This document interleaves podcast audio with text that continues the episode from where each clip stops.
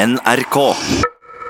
Da lege og forfatter Gro Nylander fikk en halvtime aleine med kong Harald, spurte hun om han hadde blitt ammet som barn, om han savnet å røyke, og om hans syn på klimakrisen. Tre saker hun har brukt livet sitt til å kjempe for. Nå for tiden er det forholdet mellom besteforeldre og barnebarn hun er mest opptatt av.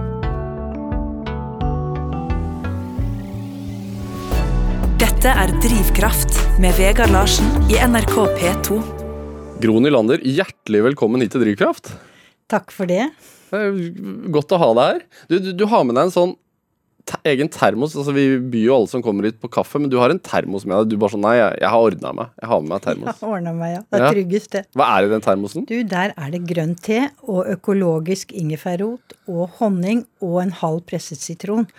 Og det er fordi jeg var litt rusten i stemmen, og er det fortsatt, så jeg tenkte kanskje jeg måtte stelle pent med den. Ja, jeg tenker Hvis man, hvis man hører på mine, mine tette bihjuler, så burde jeg kanskje drukket noe av det der selv, men, men eh, du tror det funker, altså? Selv, selv som lege? Ja, jeg vet ikke, men jeg så faktisk en studie hvor man sammenlignet akkurat en sånn blanding, kanskje minus ingefær, med medisiner du kjøper på apoteket, og kom frem til at eh, bestemors gamle sitrondrikk var, og honningdrikk var like effektiv.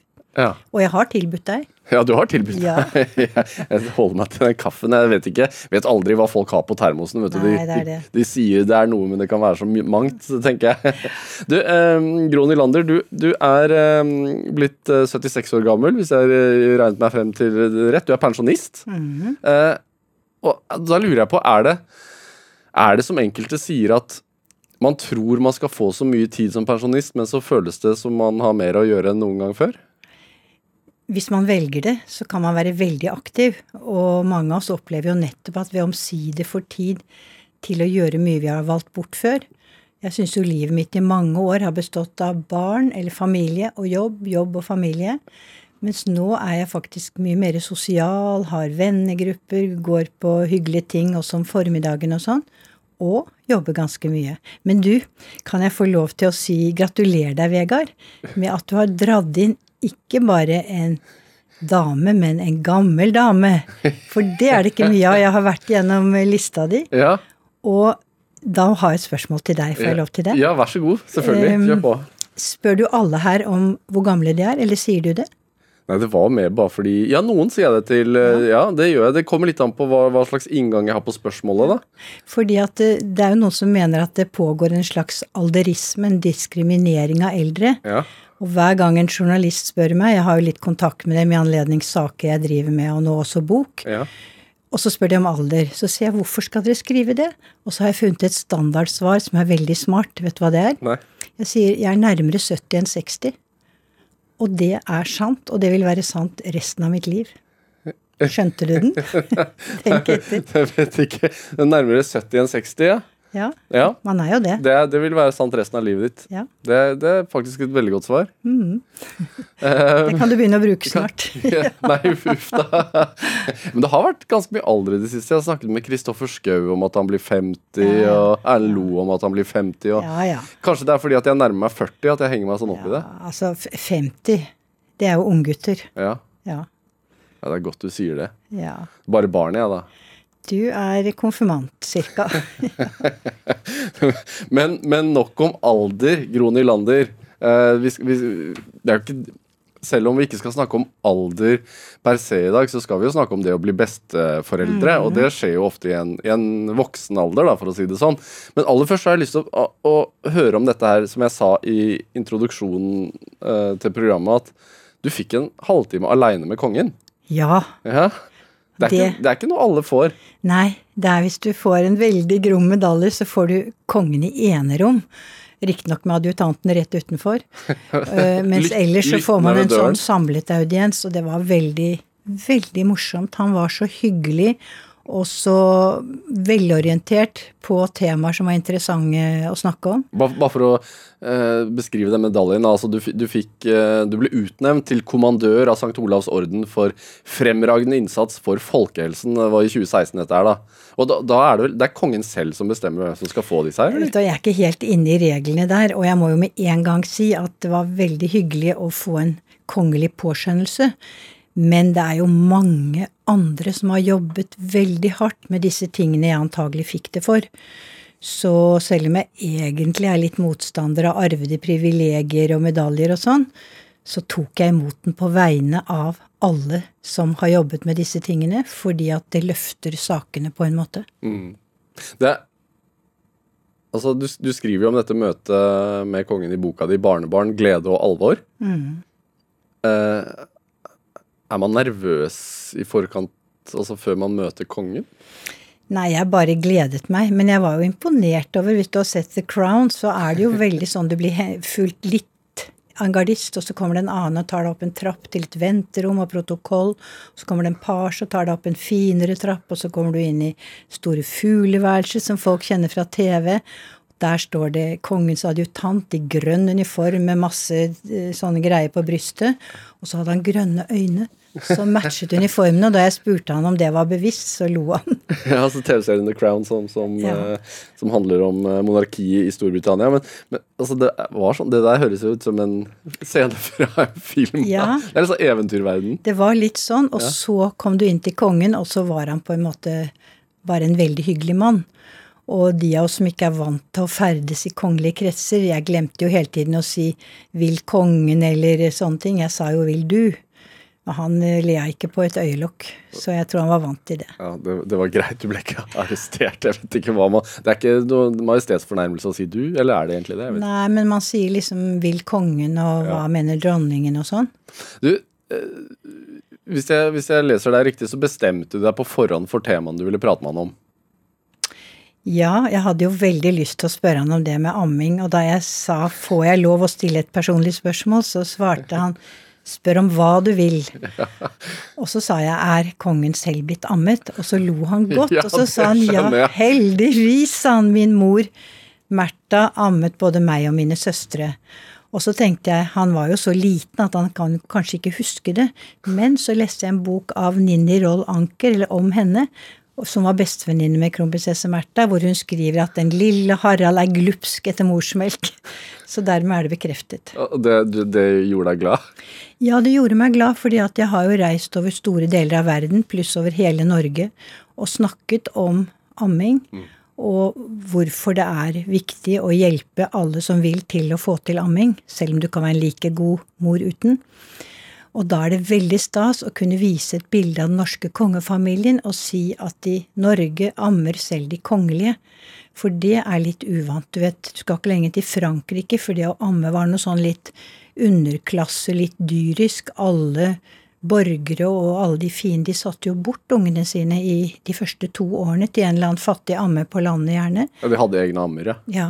Ja, var du veldig rik, så hadde du jo egen amme boende, men selv Altså folk som eide butikk og sånn, de sendte sine nyfødte ut på landet til en fattig jente som hadde sin egen unge, og ganske mange av disse utsatte barna døde faktisk. Så det å løfte amming opp til å bli noe kult og tøft Jeg har vist bilder av Obama som forteller om hvordan han ga morsmelk på flasken og kona måtte sove osv. Så eh, Sånt er de litt svake for. Ja. Altså, stemmer det at du eh, Fordi du har jo som du nevner, eh, holdt ammefanen eh, høyt i, mange år. Stemmer det at du har bidratt til at f.eks. sånn superstjernen Madonna amma? Det sies i hvert fall. Det sies. altså Det jeg vet, er at vi har jo lagd en sånn ammefilm i Norge som vi lagde en ny versjon av for noen år siden, som heter 'Bryst er best'. Nå ligger den ute på YouTube på mange språk. Og den er jo helt overraskende blitt en liten verdenssuksess. Den er vist i flere land enn i noen, enn noen annen norsk film, har jeg fått høre.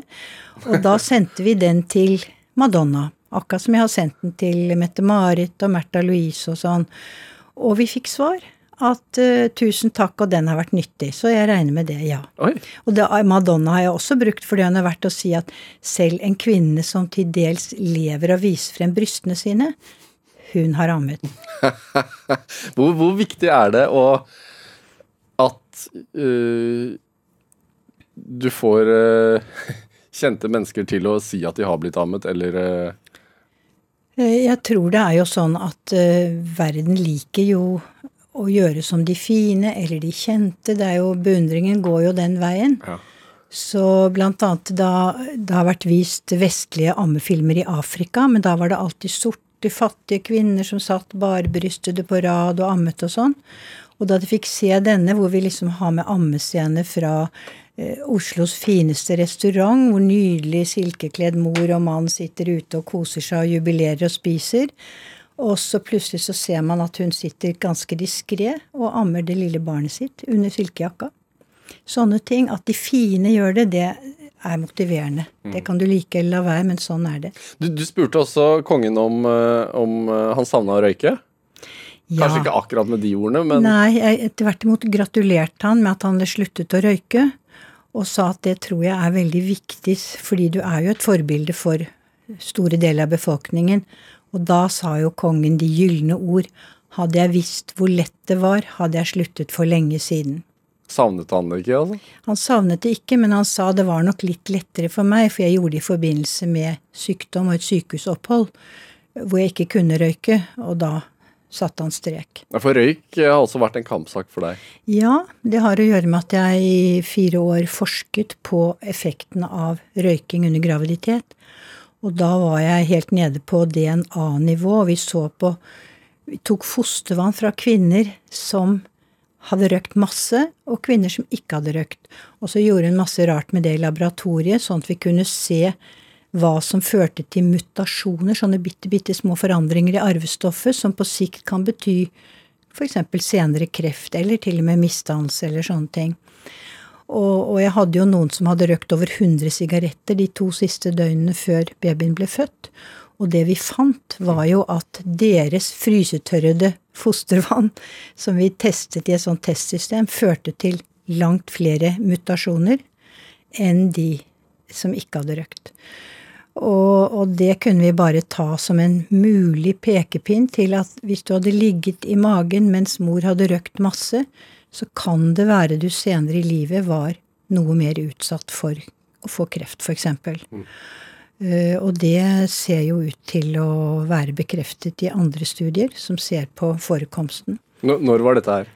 Uh, jeg disputerte, som det heter på fint, forsvarte min doktorgrad i 89. Ja. Så det er en del år siden. Ja, men du, altså, det blir ikke feil å si at du uh, var med på å påvise at, at, røyk kan være skadelig for fosteret, og at det resulterte i at veldig mange stumpet røyken under graviditet? Altså jeg tenker jeg har bidratt litt, for jeg måtte jo lese meg opp, så plutselig var jeg antagelig den i Norge som på et tidspunkt visste mest om effekten av røyking under graviditet. Og det er jo ganske skremmende hva det kan gjøre med fosteret. Og så er det jo alltid det, enten det gjelder helseeffekter av amming eller skadevirkning av røyk. Hva skal du tørre å si? Ikke sant? Skal du tørre å skremme? Skal du tørre å fortelle forskningsfakta? Eller skal du klappe på ryggen og si det går nok bra uansett, og det går jo bra med de fleste? Og det er jo dilemmaet hele veien. Men vi underviste helsepersonell over hele landet, reiste i alle fylker og mange land, og snakket om det forskningen viste, og så tar man det jo overfor den kvinnen som akkurat har fått et dødfødt barn, kanskje fordi hun røkte 60 om dagen, sier vi jo aldri 'det er din skyld, det er fordi du røkte', men vi sier La oss se på hva vi kan gjøre for at det skal gå kjempefint neste gang. Mm, mm. Du, du, øh, du øh, sier jeg du veldig mye, unnskyld for det, altså. Men, men du, du, fikk jo lov av kongen til å gjengi svarene hans i boka mm, di. Eh, bare for å ha det på det rene, siden vi, siden vi faktisk snakker om han nå. Mm. Eh, og den boka handler jo om det å være besteforeldre. Uh, fikk, fikk, du et inntrykk av at uh, kongen er bestefar på lik linje med, med oss vanlige dødelige, holdt jeg på å si? Jeg kan jo ikke detaljene, men han er iallfall veldig opptatt av barnebarna. Og ansiktet hans strålte når han snakket om dem. Og jeg vet jo at han og Sonja har tatt med barnebarna på mange såkalt dannelsesreiser, bl.a. i Finnmark, bl.a. i Kirkenes. De ville at barna selv skulle oppleve å se stedene, ikke bare høre om dem. Så jeg tror han er en riktig god bestefar. Og så har han jo et vesen som jeg tipper at barnebarna elsker. Hvordan er det vesenet? Ja, Han er lun og humoristisk og vennlig og hyggelig og rolig. Ja. gode besteforeldrekvaliteter? Ja, jeg tror det er gode besteforeldrekvaliteter. Og ikke glemme hans uh, gemal, som, eller gemalinne heter det kanskje, som nok også har vært og er en strålende bestemor, noe de virkelig kan trenge i denne tiden her, altså. Ja. Tror du, altså når du nevner det, altså hvor, hvor viktig tenker du at besteforeldrerollen er når en krise oppstår i familien, sånn som, sånn som det har vært tilfellet i kongefamilien. Skriver jo en del om det også, for den boken er jo ikke bare mine erfaringer og synsinger. Jeg har jo intervjuet mange titalls besteforeldre, og så har jeg lest hva forskningen sier, osv. Eh, og det ser ut til at dersom det finnes, det er det faktisk belegg for, hvis det finnes et stabilt besteforeldrehjem i nærheten, f.eks. For når foreldrene går fra hverandre, og ofte er jo det ganske traumatisk også for barna. Og ganske vanlig, dessverre. Og ganske vanlig, så, så er det en hjelp at det finnes stabile besteforeldre. Og jeg har jo snakket med diverse som forteller om liksom barnebarn som sier at her er alt sånn som det pleier å være, og det er jammen deilig og som flytter hjem til besteforeldre i perioder, eller som bruker dem som sånn hvis plutselig mor etablerer ny familie, og det plutselig er masse unger i familien, og du ikke går med de ungene, som får lov å dra på weekend, eller til og med bo i perioder hos besteforeldre. Så jeg tror vi er ganske viktige. ja, du sier vi. Eh, har du selv eh, opplevd hendelser i livet der du, eh, der du ha trengt eller skulle ønske at uh, dine barns besteforeldre var mer til stede? Eller kunne vært mer til stede? Ja. Eh, mine foreldre bodde ganske langt unna, og min mor var en glødende bestemor, men uh, reisevei og omsorg for mannen, som ikke var så ivrig, gjorde at hun fikk stilt opp mye mindre enn hun ville, men hun ga alt hun kunne og var kjempefin. Mm. Og så er det jo sånn, og det er jo viktig å få frem, jeg forteller jo ikke liksom at vi er verdens beste. Tvert imot så snakker jeg om alle de som ikke har krefter, mm. ikke orker lenger. Kanskje de er for gamle, kanskje de er syke. Forteller om alle de som sier at nei, jeg har gjort mitt. Jeg har oppdratt tre unger og jobba og syns jeg har hatt et hardt liv. Nå vil jeg kose meg. Det må også være lov. Men det morsomme er jo det som skjer, særlig med bestemødre, når de vet at de skal bli eller få barnebarn. Ja, Hva skjer da? Da inntrer det som eh, du kan google selv, lytterne kan google selv, som heter The Grandmother Hypothesis, altså bestemorhypotesen. Som forteller hvorfor vi, vi blir jo helt gærne, de fleste av oss, når vi får små barnebarn. Og det kommer av at vi lever så lenge etter at vi selv kan få barn. Og det har evolusjonen sørget for at det er veldig nyttig for mennesket. Skal jeg bruke et minutt på det? Ja, veldig gjerne. Ja. Det, det, vi har ja. god tid. Vi har ja. 40 minutter til rådighet, så vær så god. Tenk deg da at vi kommer fra apene. Det er noen som ikke liker at jeg sier det, men jeg tar sjansen. Som lege så tror du det? jeg gjør det. Jeg gjør det. Eh, men så skjer det jo av og til når det blir født et nytt individ, at det er litt annerledes enn mor og far. Og det har en liten mutasjon som gjør det litt annerledes. Og da f.eks. ble det født en som var flinkere til å stå oppreist det var veldig nyttig, for da kunne du se tigeren på lang avstand, og du kunne se mat på lang avstand. Og så ble Derfor så levde det opp flere av de som kunne stå oppreist. Og så tenkte jeg at det ble født en som eh, hadde litt stort hue. For vi har jo mye større hjerner enn apen, ikke sant? Og dette skjedde nok i perioden hvor vi bodde ved de store sjøene i Afrika og spiste mye sjømat, og hjernen vokste. Men så var det det at for å stå oppreist må du ha et ganske stivt bekken. Og når ungene, fostrene, plutselig hadde større huer, så var det vanskelig å komme ut og bli født. Og det var ikke så bra. Mødre døde, og fostre døde og sånn. Er det ikke sånn Unnskyld at jeg avbryter deg midt i, midt i fortellingen, fordi dette syns jeg er kjempespennende. Er det ikke sånn at mennesker egentlig blir født Alle blir født egentlig litt sånn prematurt i forhold til utviklingen hvis man ser på andre dyrearter? Vegard, dette er helt korrekt. Bravo for deg. Okay, A. A, A, til meg. A til deg nå, eller sekser. En sekser, vil jeg si. Jo, for det var nemlig det at da var det plutselig noen som fødte for tidlig. Og da sklir jo ungene ofte greit ut, ikke sant? Så det var veldig gunstig. Men samtidig var jo de for tidlig fødte så sårbare og vanskelig å få til å leve opp. Sklir greit ut, jeg vet ikke. Vel, du har jobbet som fødselslege, de sklir ikke greit nei, ut, Gro Nylander. helt korrekt. Jeg angret med en gang jeg sa det. Det er en fødsel uansett, og ja. den kan være tøff selv om barnet er prematurt. Men det er i hvert fall ikke størrelsen som hindrer de i å bli født. Men så var de så hjelpeløse og små at de døde ofte. Men så var det en familie hvor bestemor mistet menstruasjon og eggeløsning og sluttet å lage egne barn. Og dermed kunne hun hjelpe datteren med å få frem denne lille skjøre ungen. Og så viser det seg at mennesket er et av de få artene hvor kvinnen går i overgangsalder og ikke kan lage barn de siste tiårene av livet sitt. Vet du hvilken annen art som har det på samme måte? Nei. Nei, det er pussig nok spekkhoggere. Oi. De blir fruktbare når de er 15 år og mister mensen, eller hva vi kaller hos spekkhuggere, når de er rundt 50. Og så kan de leve til de er 90-100. Og passe på barnebarna Og sine? de, dette har man forsket på. Du kan bare gå inn og skrive spekkhuggere og kalv, f.eks. At bestemor er kjempeviktig. Hun hjelper datteren og med de små kalvene, og hun hjelper også de voksne sønnene sine. Hjelper dem å ringe inn sild og viser dem hvor maten er og sånn. Så spekkhoggere og mennesker, altså. Er, så er det en hvalart til. Men iallfall da kunne bestemor hjelpe datteren med det lille hjelpeløse barnet. Og derfor så vokste det opp stadig flere av den eh, familien, ikke sant? Og de ivrigste bestemødrene, de fikk mest oppvoksende barnebarn. Derfor tenker man at i dag, grunnen til at bestemødre tenner så innmari, er det evolusjonen som har sørget for. Er du en glødende og ivrig bestemor, så vokser barnebarna opp. Og dette har vi belegg for at skjer i moderne tid også. I Gambia, hvis du har en levende bestemor i noenlunde nærhet, så vokser barna opp og blir større og sterkere.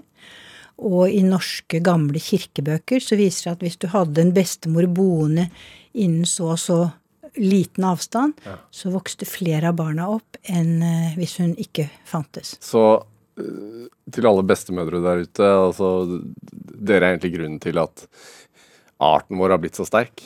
Ja, bidra det åpenbart. Dette er Drivkraft med Vegard Larsen i NRK P2. Og i dag så har vi lege og forfatter Gro Nylander her hos meg, og vi snakker om det å være, bli besteforeldre. eh, som jo eh, mange er eh, heldige, håper jeg de tenker, å få oppleve. Eh, du, du, er jo eh, frem til nå da, vært, mest kjent for bøkene dine om, om det å være gravid, om fødsel og om tiden etterpå, og om ammingen. Og, og vi var innom ammefilmen 'Din bryst er best', men, men også den boka di 'Barnebarn, glede og alvor'. Er det er, Jeg veit du bor veldig tett på dine egne barnebarn, eller i hvert fall noen av de. Hva, hvor tett snakker vi? Vi snakker Vi bodde i et gammelt, lite hus, en gammel gartnerbolig, i alle år med våre egne oppvoksende barn. Og så bygde vi en liten generasjonsbolig ved siden av. Og så er det en, bygd en gang imellom. Og så bor det en av barna våre med tre unger i det gamle huset. Og det betyr at de siste 15 årene så har det løpt unger opp og ned til oss så mye de bare orket Barnebarnsluse. Barnebarnsluse, og det er ufattelig privilegert. Og grunnen til at jeg i det hele tatt forteller om det i boken, for det er nesten litt flaut å si hvor heldig man kan være, det er jo at eh, det er jo regler for nærboskap. Hva er lurt å gjøre, hva er ikke lurt å gjøre, og kanskje dere ikke har hus i hagen, men kanskje dere kan ha naboleiligheter eller naborekkehus eller Altså, det går bra hvis man har et noenlunde forhold og følger noen regler. Du, du nevnte din egen mor, at uh, hun bodde for langt unna. Hvor, hvor langt unna var det? Som ble for langt? Ja, altså hun bodde et par timers kjøretur fra oss, i Snertingdal, hvor faren min var distriktslege i masser av år. Ja. Uh, så det var, det var liksom den ene grunnen. Hun kunne ikke bare stikke innom en kveld og være barnevakt. Nei. Og det andre var jo at eh, faren min eh, syntes jo det var litt stusslig når hun dro, da. Så var flere faktorer. Ja, for han var ikke interessert i å være med. Nei. Og de andre besteforeldrene var kjærlige og hyggelige, men de var litt gamle og slitne. Eh, Så det ble ikke så mye barnepass fra foreldre. Det, så, boka di heter jo 'Barnebarn, glede og alvor'. Er det Altså, Byr det mest på glede eller alvor? Mest glede. Altså, no, en av grunnene til at jeg skriver, er jo ren skriveglede. Og det at jeg ble egentlig ganske overrasket over hvor veldig hyggelig og gøy det var å få barnebarn. Vi har jo seks, og alle innen et kvarters kjøretur, så vi har jo vært kjempeheldige. Men det er jo ikke bare glede selv for oss som har det greit og har friske barnebarn og bor ålreit og er to til og med. Så kan du jo bli sliten eller sånne ting. Men, eh, men eh, jeg skriver jo også om foreldre som har, besteforeldre som har fortalt om ja, tenåringer som kommer på kjøret, narkomane tenåringer, hvordan besteforeldrene kan møte dem og hjelpe til med dem. Skriver om de som får et handikappet barnebarn, har en utslitt ung familie som absolutt trenger assistanse. Skriver om hun jeg gikk på skole med, som sier at av alle mine 15 barnebarn, så er jeg mest glad i hun som er handikappet. Og det vet hun. At jeg er stolt av henne, jeg tar henne med på ting. Og det er det ikke alltid foreldrene har overskudd til. Og jeg også forteller om, om hun som fikk den derre skrekkelige mistanken om at noen ikke var snille mot barnebarnet. Eh, og da Du husker den der Kristoffer-saken, ikke sant? Om han stakkars åtteåringen som ble funnet død mm. under grusomme omstendigheter, og hvor bestemoren hadde hatt mistanke og hadde tatt det opp med de hun trodde sto for dette. Barnemishandling i dette tilfellet. Hva kan man gjøre da? Ja, og det er det jeg, da jeg snakket med fagfolk som har god greie på det, og si hva kan man gjøre? For det er jo fryktelig vanskelig. La oss nå si at du var sønnen min, og så hadde du en unge med masse blåmerker som aldri ville hjem når han var på besøk hos meg. Hva skulle jeg gjøre? Altså, du kan prøve å ta det opp med familien. Det er vanskelig. Du kan si fra i barnehage eller skole. Det fører alltid, ikke alltid frem. Det du bør gjøre, er å fortelle det til noen som kan ta affære, og som kan ha brede skuldre nok. Det kan være politiet, det kan være fastlegen. Det er også viktig å dokumentere. Ser du at ungen har sår og blåmerker osv., så, videre, så kan du gjøre det. Men det er en vanskelig feil, for har du tatt feil, så har du ødelagt forholdet til foreldrene hvis de får vite om det. Og selv om du har rett, og barnet kanskje blir hjulpet og reddet, så er det jo en katastrofe for også forholdet mellom besteforeldre og resten av familien. Det er ikke lett, men det er noen konkrete råd om hva du skal gjøre, ja. Mm, okay. Det samme gjelder jo incest, som er eh, om mulig enda verre. Men er det altså det, De tingene der er heldigvis kanskje ekstremversjoner da, mm. av hva, hva, besteforeldre kan uh, måtte oppleve. Men, men uh, jeg lurer på, har de noen sånne Altså de fallgruvene sånn generelt mm. for besteforeldre. Hva er, de, hva, er de, hva, hva er, de, største eller vanligste fallgruvene besteforeldre kan gå i, tenker du? Det er jo et eget kapittel som heter 'Hva bør besteforeldre ikke gjøre'? Ja, hva bør du ikke gjøre? Og Det er eh, en lang ramse som jeg har da samlet både fra unge foreldre og fra andre besteforeldre som tenker 'Å nei, det skulle jeg aldri gjort'. Altså For å starte med noe litt nøytralt, så er det noe med at du må ikke utsette barnebarna for fare. Også besteforeldre må sikre hjemmet med trappegrind og kontaktpropper og, og skydd på komfyren, eller i hvert fall tenke at gryter skal stå langt inne og alt det der der. For hjemmeulykker er noe av det farligste for små barn. Og besteforeldre tenker ja, men det er ikke her så mye, og, eller de tenker ikke på det. Så det er ganske viktig. Å ha bilsete i bilen, ikke sant. Kjøp et brukt, godt bilsete på loppemarked, det koster ikke all verden. Det blir mye pes å skifte det over fra bil til bil. Sånne ting. Og så har vi de der besteforeldrene som saboterer foreldrenes regler i smug. For eksempel en pappa som var veldig indignert og ikke vil bruke mora si som barnevakt mer, fordi at de har en gutt som er begynt å bli litt tung i sessen. Og hele familien har gått inn i et opplegg hvor de løper sammen og trimmer og har veldig sunn kost og ser at det går bra. Og så er han på weekend hos bestemor, og da syns hun han skal kose seg. Så da er det bare pizza og pølser og is og konditori og godteri to dager til ende. Og så kommer han vraltende hjem, og familien syns liksom at hele gutten har est ut og prøvd å snakke med bestemor om det, og hun sier nei, når han er hos meg, så skal han få kose seg. Og da er deres konklusjon at da spør vi ikke bestemor om å være barnevakt.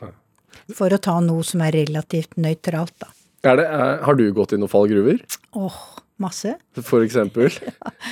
Nei, altså for eksempel barnebarna overnatter mye hos oss, for det er jo så kort vei. De kan til og med komme opp ferdig pysja, ikke sant. Og da sier mammaen med streng stemme hun må sove klokken åtte. Hun skal tidlig opp og har hatt en slitsom dag. Men så er det så veldig koselig, da, vet du, å ha henne, og så skal vi lese eventyr, og så skal vi ditt, og skal vi datt, og så skal vi skravle lenge. Og vips er klokken blitt mye over en time for sent før vi endelig får sovnet henne.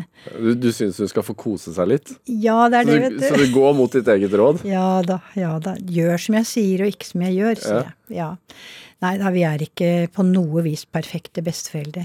Men, men hvor, hva, hva baserer du disse rådene på? Altså, du har gjort intervjuer. Ja. Eh, Jeg har både Jeg startet med å lage et sånn litt formalisert intervjuskjema.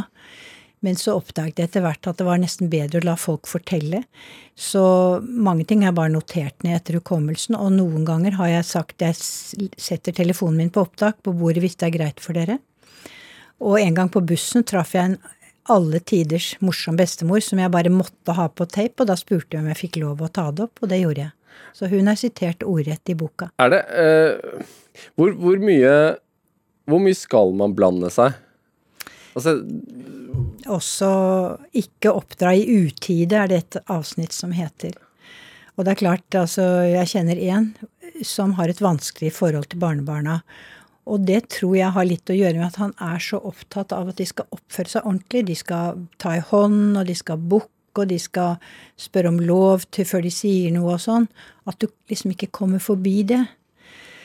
Eh, og så er det jo også det at hvis du prøver å åpenlyst oppdra barnebarna, så sier de jo samtidig på en måte til foreldrene at eh, dere har ikke gjort jobben godt nok.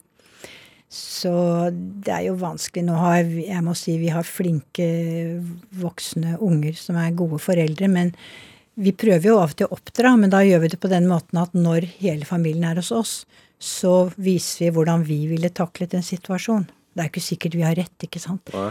Men eh, det kan gå på hjelp til å ta ut av bordet, huske å si takk for maten, ikke sitte med albuen på bordet, som vi gjør om til en spøk. men er det litt sånn altså at man må Som besteforeldre så må man eh, innfinne seg med det at det er foreldrene som bestemmer.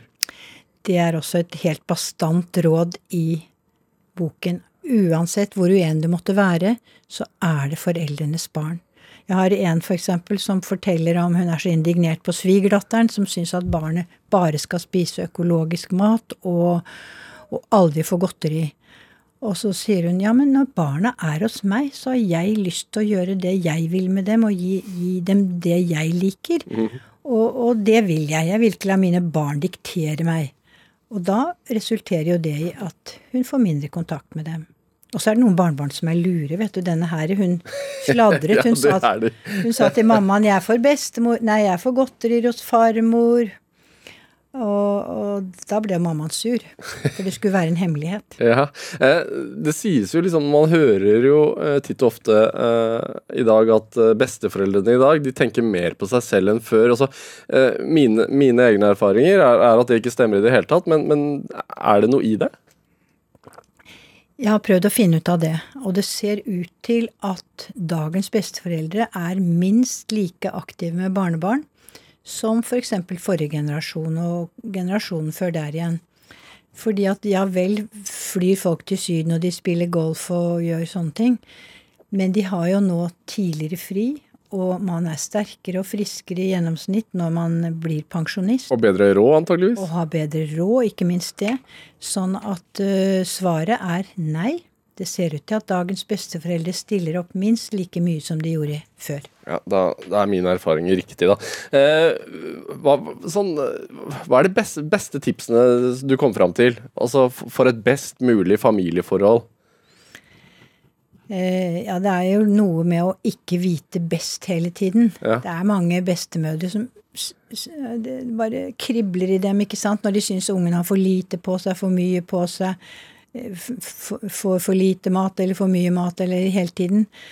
Eh, Så du må prøve å ikke vite best hele tiden. Ikke si 'skal du gi bryst nå igjen', og får han ikke vondt i maven av det, eller burde han ikke sove to lurer om dagen og sånn. Hold munn.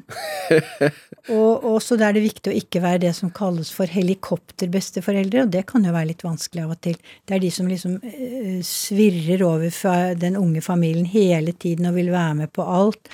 Alle skoleavslutninger, alle ferier og sånn. Det kan også være litt problematisk. Ja, Så man må finne en gyllen middelvei. En gyllen middelvei. Det er ikke så lett det, sikkert, da, når man gjerne vil være til stede og mene. Men hva, hvordan, altså, i forhold til de rådene dine og det er ikke formaninger, men, men eh, eventuelle feil man kan gjøre, hvorfor hva, hva gir deg svarene, tror du? Eller tenker du på hva som er rett og galt? Nei, altså vi, vi er opptatt av at regelen, hovedregelen må være um, close your mouth and open your heart. Ja. Og det gjelder ikke minst overfor svigermor. Hold munn. Det kan være du får en svigersønn som er helt annerledes enn du hadde ønsket deg og drømt om. Hold munn. Samme gjelder svigerdatter. Altså, jeg har alltid prøvd å stålsette meg og tenke kan godt være jeg får en svigerdatter som absolutt ikke vil amme, men derimot er kjederøyker. Jeg må bare holde munn. Nå har, har jeg vært utrolig heldig med svigerbarn, det må jeg bare si. Tror du at du hadde klart det hvis, de hadde vært, eh, hvis du hadde fått en svigerdatter som var, eller, som var kjederøyker? Tror du du hadde klart å holde kjeft? Det hadde nok vært vanskelig. Det hadde nok vært vanskelig, ja. Dette er Drivkraft med Vegard Larsen i NRK P2. Og i dag så har vi lege og forfatter Gro Nylander her hos meg. Eh, vi har snakket om eh, den nye boka di om, om det å bli besteforeldre, eh, og om barnebarn. Eh, du, du har jo stått på barrikadene hele livet, holdt jeg på å si. Eh, du har kjempa for at mødre skal amme lengre, at gravide skal slutte å røyke. Du har kjempa for fri abort. Eh, Yes. og, nå, og nå er du jo veldig opptatt av klimasak. Eh, men, men for deg personlig så, så var det vel en kamp i det hele tatt å få lov til å bli lege som kvinne? Ja, det var det. Jeg hadde jo en far som var distriktslege, og eh, var med ham i mye sykebesøk, og jeg ble innkalt på kontoret når han skulle sy sår hos barn og sånn, for jeg var liksom flink med barn og til å berolige dem og sånn. Så jeg syns det virket som et veldig fint yrke. Men det var liksom Altså, egentlig syntes han ikke at hans tre jenter burde ta artium engang. Og iallfall skulle vi ta en kort og grei utdannelse som var enkel å kombinere med familieliv. Ja, for det skulle være hjemme.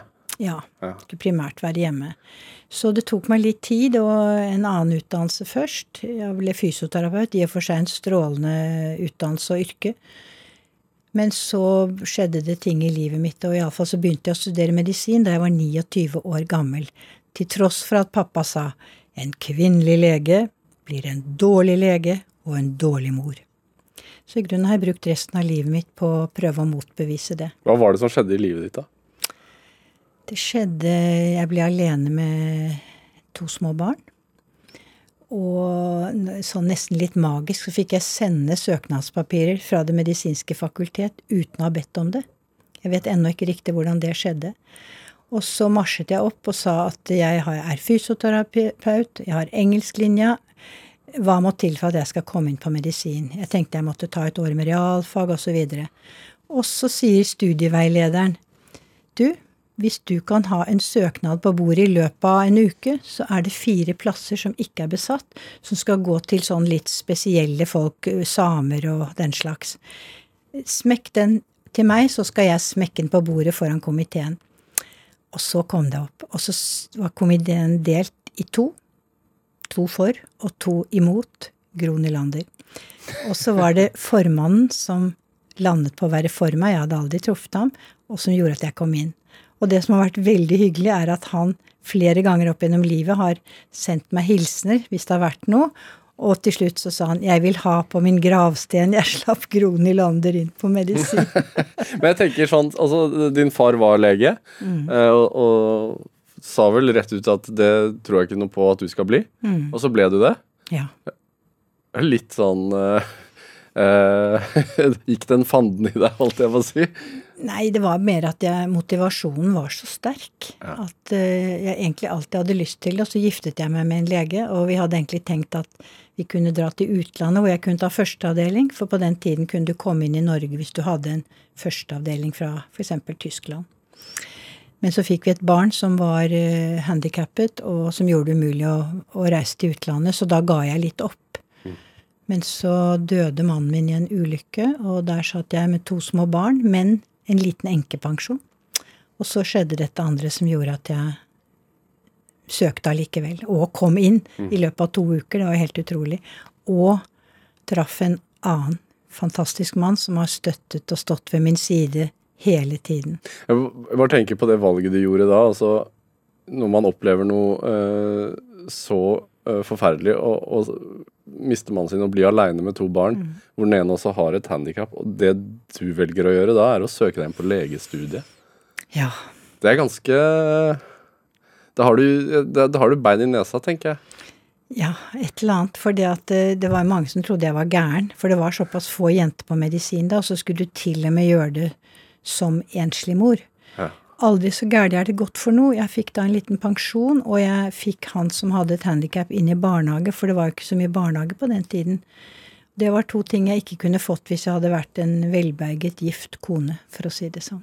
Men var det Altså, jeg, jeg, jeg tenker på når jeg, når jeg, Hvis jeg ser på CV-en din, så, så er du jo en, en, en, en dame som har uh, virkelig stått på for det du tror på, og ikke gitt deg. Du har bitt deg fast, liksom. Mm, ja. Eh, og hva, hva i deg tror du Altså, hvor kommer denne kraften fra? Fordi det, det der også viser en voldsom kraft, da. Det er et veldig interessant spørsmål som man jo egentlig ikke går og grunner på selv, men jeg tenker flere ting. Jeg har jo vokst opp først i et lite fiskevær, og så en stille skogsbygd. Og på en måte en rolig barndom syns jeg ser på en del folk at det kanskje kan gjøre at du har desto mer å ta igjen, eller om du har samlet en kraft eller en lengsel. Eh, Da, det vet jeg ikke. Og så er vi jo født forskjellige. Jeg har nok, er nok født med et rimelig eh, sterkt eh, empatigen, tror jeg. Veldig opptatt av at og noen har det vondt, vil at flest mulig skal ha det best mulig. Og, og jeg har en gammel dansk onkel som fortalte at da jeg var tre år gammel og satt sammen med han på trikken i København, eller undergrunnen, så sier jeg til ham Onkel Paul, kan ikke du gå bort og sette deg ved siden av den damen der borte, for hun ser så trist ut? Og det syns jo han var litt rart, fra en treåring som da ble sittende alene. ja. Så jeg tror jeg har tidlig liksom sett det. Også, også noe med rettferdighet og urettferdighet. Også selvfølgelig da jeg våknet for alvor for feminismen, og så og skjønte hvor forferdelig mye tull som gjøres mot kvinner, så ble det en veldig drivkraft. Og jeg, er jo femini, har jo vært feminist resten av livet, men vi våknet jo for alvor på 70-tallet. Hva var det som førte til det, da? Tror du? Ja, det, altså, da skjedde den såkalte 70-tallsfeminismen, hvor vi bl.a. lagde sånne bevisstgjøringsgrupper. Ja, men jeg tenker på for deg personlig. Eh, Det var nok en opposisjon mot f.eks. en patriarkalsk far. Ja, Som du hadde Hans hatt far, far, eh, fars eh, vilje var det som gjaldt. Lite annet. Så det var litt ugreit. Og jeg hadde opplevd en søster som kom i ulykka, som det het, med de forferdeligste konsekvenser, ble kastet ut hjemmefra. Ble gravid uten ekteskapet, ja, som det heter i dag. Ja, var, var forlovet og sånn. Men det at hun skulle ha barn uten å være gift, var så skrekkelig Oi. at hun ble kastet ut. Og faren min ville ikke ha noe med henne eller barnet å gjøre på en god stund. Hvor gammel var du da? Da var jeg et par år yngre enn henne, så jeg var vel 18 år, tenker jeg. Og hvordan opplevde du det? Jeg opplevde det jo kjempesynd på henne og opprørt over makta. Og livredd for også å bli gravid i utide. Du vet, de unge i dag med all sin prevensjon og selvbestemt abort, de aner ikke hvordan vi gikk rundt og bet negler, for det var jo ikke det at folk ikke hadde et seksualliv den gangen. Vi var jo så redde for å bli gravide. Åh! Du kan ikke tenke deg. Og selv etter at jeg flyttet sammen med min nåværende mann, da, uten at vi giftet oss, så var jo det altså helt uhørt. Og dette var altså i 73. Ja, fra din far, eller fra samfunnet? Eh, hoderisten fra samfunnet og samtlige foreldre, men min far gjorde meg jo arveløs. Han sendte meg en bankbok med 4000 kroner og skrev at jeg vil sette pris på om du kjøper presanger til dine barn til jul og fødselsdag, for jeg er jo nå avskåret fra å ha kontakt med dem. Tullete gjort, men ikke, ikke helt uvanlig på den tiden. Patriarkalske fedre. Og så gikk det seg jo til etter hvert, og han ble stor fan av mannen min og veldig snill mot barnebarna. Men den der umiddelbare reaksjonen, det var ikke så lett å, å, å leve med den og være fordømt. Nei. Er det eh, eh, Hvordan var det? Nei, det var tungt, og det var, det var ikke så farlig for meg, for jeg var kjempeforelsket, og jeg hadde kommet inn på medisin, og livet gikk min vei, og jeg var forelska i ungene og alt sånn. Men eh, det er klart, for en kvinne, mamma, som da var helt økonomisk avhengig av ham, og ikke da og, og måtte holde kontakt med dattera som var kommet i ulykka i smug og sånne ting, hjelpe i smug, det var ikke noe greit, altså. Kanskje det var tøffest for henne, ja. Jeg tenker, eh, altså, du har jo som vi har vært eh, litt innom eh, Du blir jo kalt en ammeguru her i landet, og mange, i mange land. Eh, Uh, filmen din og bøkene dine er jo oversatt til mange språk og blitt sett av veldig mange. Og var jo en del av oppstarten av Ammehjelpen på 70-tallet og sånne ting. Altså, og, og, og noe som har fått veldig mange kvinner til å amme, men også som har fått litt motstand. Og jeg, jeg tenker jeg har liksom en følelse av at du drives veldig av følelser. Altså sånn at du, du føler det så sterkt at du ikke klarer å la være å kjempe for det. Ja, altså hvis jeg kommer frem til et standpunkt som jeg mener er velfundert mm. av forskning Jeg er jo også forsker selv, ikke Ja, sant, og kan være- vurdere forskning. Ja, så Det må være basert Sånn at jeg er helt trygg på hva jeg står på, så er jeg en stayer. Det med ammingen handler jo også om at da jeg fikk mitt første barn i Nord-Norge med turnusmannen min, eh, så mislyktes jeg totalt med ammingen. Endelig på barsel så så jeg at jeg hadde fått store, flotte pupper som jeg hadde lengtet etter hele oppveksten, eller hele ungdommen.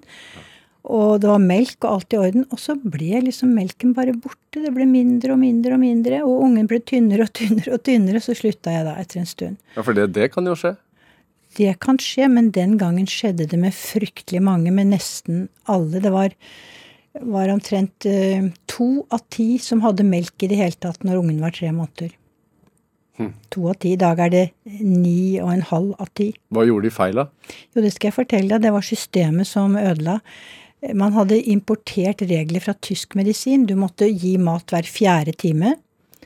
Og du måtte bare gi på ett bryst. Det betyr at det var åtte timer mellom hver gang et bryst ble sugd på. Og det er det vi i dag bruker til avvenning.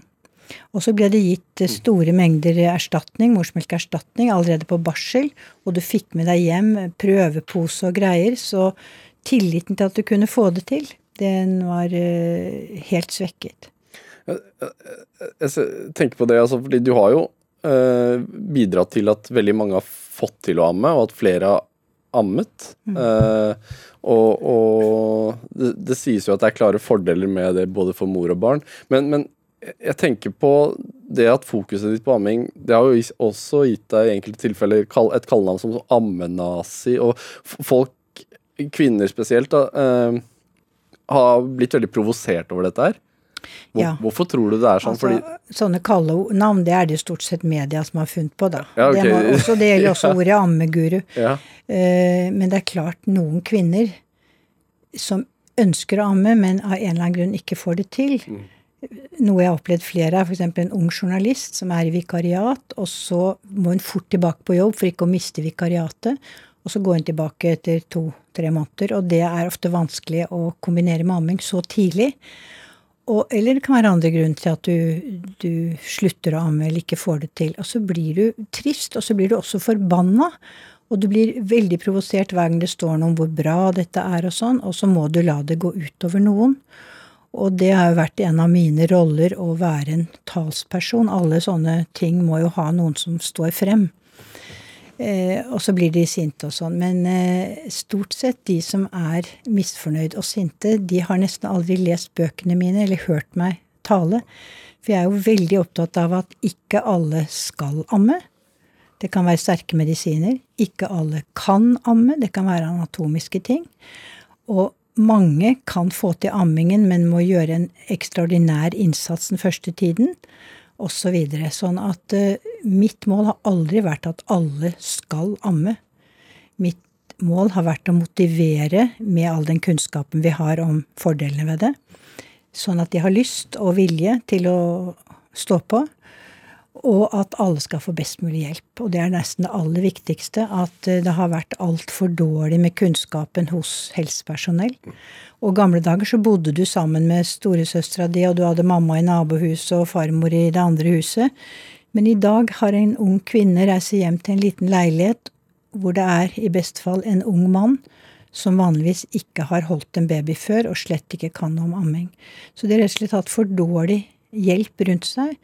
Og nå har vi jobbet masse med helsestasjonene og masse med sykehusene, og det er blitt mye, mye, mye bedre. Men, men likevel så øh, opplever Altså, jeg har, jeg har jo ikke øh, personlig fødsel, men jeg har jo vært med, på, vært med på fødselen av mitt barn, og det, jeg opplever jo det å øhm, komme inn på føden som en ganske sånn utrivelig ting. Ting går fort. Og man ligger på trange rom, og det er egentlig ikke personale nok til at man får, det, får den hjelpen underveis som man egentlig Nei. trenger. Det er jo ikke alltid det, vet du. Det er med fødeavdelinger som med andre akutte ting. At du må bemanne eller bekvinne for gjennomsnittet. Noen dager kanskje det ikke er noen fødsler, og så dagen etter er det 20. Ja. Du kan ikke alltid ha på 20 jordmødre, ikke sant. Så kommer du inn på en travel dag, så er det klart du får ikke optimal. Og så har du de som protesterer og sier at tror du ikke at de kom med ungen og la den på brystet og sa hun skulle prøve å, få den til å suge etter at hun hadde vært igjennom ti timers helvete? Og da skjønner ikke de at det er faktisk en hjelp som gjør resten mye lettere, selv om det virker tøft akkurat der og da. Ja, for det utvinner noen hormoner eller noe sånt? Ja, du får så vold, altså første timen etter fødselen så når hormonene helt i taket. Og du kan få det til uten den timen òg, men det er en veldig god hjelp. Men du, du, du, velger jo å legge deg bort i veldig personlige ting. Altså Amming er jo ekstremt personlig. Ja, visst er Det det. Eh, det å være besteforeldre er jo også ekstremt personlig. Mm. Eh, hva, hva, er det som eh, gir deg en, eh, en styrke eh, til at du velger å liksom stå i det og sier at jo, dette her mener jeg er riktig, hør på dette? Altså den barnebarnboka, det er jo noe med at vi trenger ikke å gjøre de samme dumhetene alle sammen. La oss dele erfaringer, det blir vi klokere av. Mm. Og at det er mye interessant forskning som jeg også forteller om, som i hvert fall jeg har lært mye av. Eh, og når det gjelder eh, amming, så, så, er det jo noe med at Tenk deg selv, hvis du vet f.eks. at ved å amme så reduserer du risikoen din, din egen risiko som kvinne ganske drastisk. For hvert år du har ammet i livet ditt, så går risikoen ned rundt 5% Og det betyr mange hundre kvinner hvert år som kan slippe å få brystkreft, som jo er en jævlig sykdom for mange. Skal du da si nei, dette må vi ikke snakke om, for vi skremmer så veldig de som ikke kan amme. Og, og, da er jo spørsmålet har vi rett til å tilbakeholde så viktig kunnskap fra befolkningen. Eller har vi ikke lov å fortelle om skremmende ting? Det vil jo være litt som å si at vi kan ikke snakke om at fysisk aktivitet er bra. For det er noen som er lamme, ikke sant? Ja. Sånn er det. Det er et vanskelig valg, og, vi prøver å fortelle sannheten og dele forskning, men på en skånsom og inkluderende måte. Men hvordan har det vært, da, hvis du ser tilbake? Altså, det å være den personen som står på toppen der, både som, som fanebærer, men også tidlig som skyteskive, da? Ja. Nei, du, stort sett så har det vært veldig positivt, må jeg si. Jeg har fått ufortjent mye ros, og fortsatt i dag så opplever jeg nesten hver uke noen som kommer bort og takker, eller stikker hodet inn av bilvinduet og gir meg en klem, eller et eller annet sånt.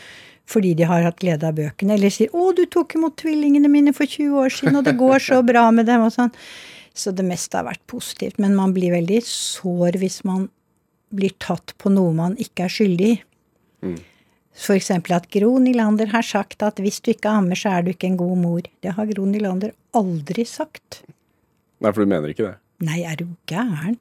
Men derimot så kan jeg gi gode råd om hvis du av en eller annen grunn ikke kan eller skal amme, så, så har det sånne råd som hold babyen tett inntil deg når du gir den mat.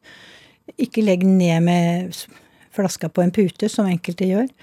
Og også teknikken ved å gi flaske kan vi en del om nå, sånn at det ligner mest mulig på bryst. Fordi at flaskebarn blir i snitt lettere tjukke, for tjukke, i oppveksten ser det ut til. Sånn at det å, å få den melken som er lagd av din egen art, den passer bedre til den normale utviklingen. Men hvis du da lærer litt om flaskemating på en god måte, ikke presse på mer enn du har lyst til og sånne ting, så, så er du med å eliminere den risikoen.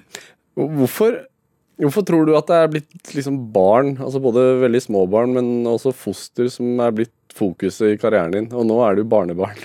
Jo, ja, gud vet. Men uh, de fleste kvinner er jo veldig opptatt av babyer og sånn, og hos meg har det vært ekstremt. Det har vært sånn i alle år at hvis det var en fødsel eller en baby eller et dyrebarn på TV, så roper familien 'kom, kom, kom'. Så jeg har alltid vært fascinert at jeg vokste jo opp delvis i Snertingdal.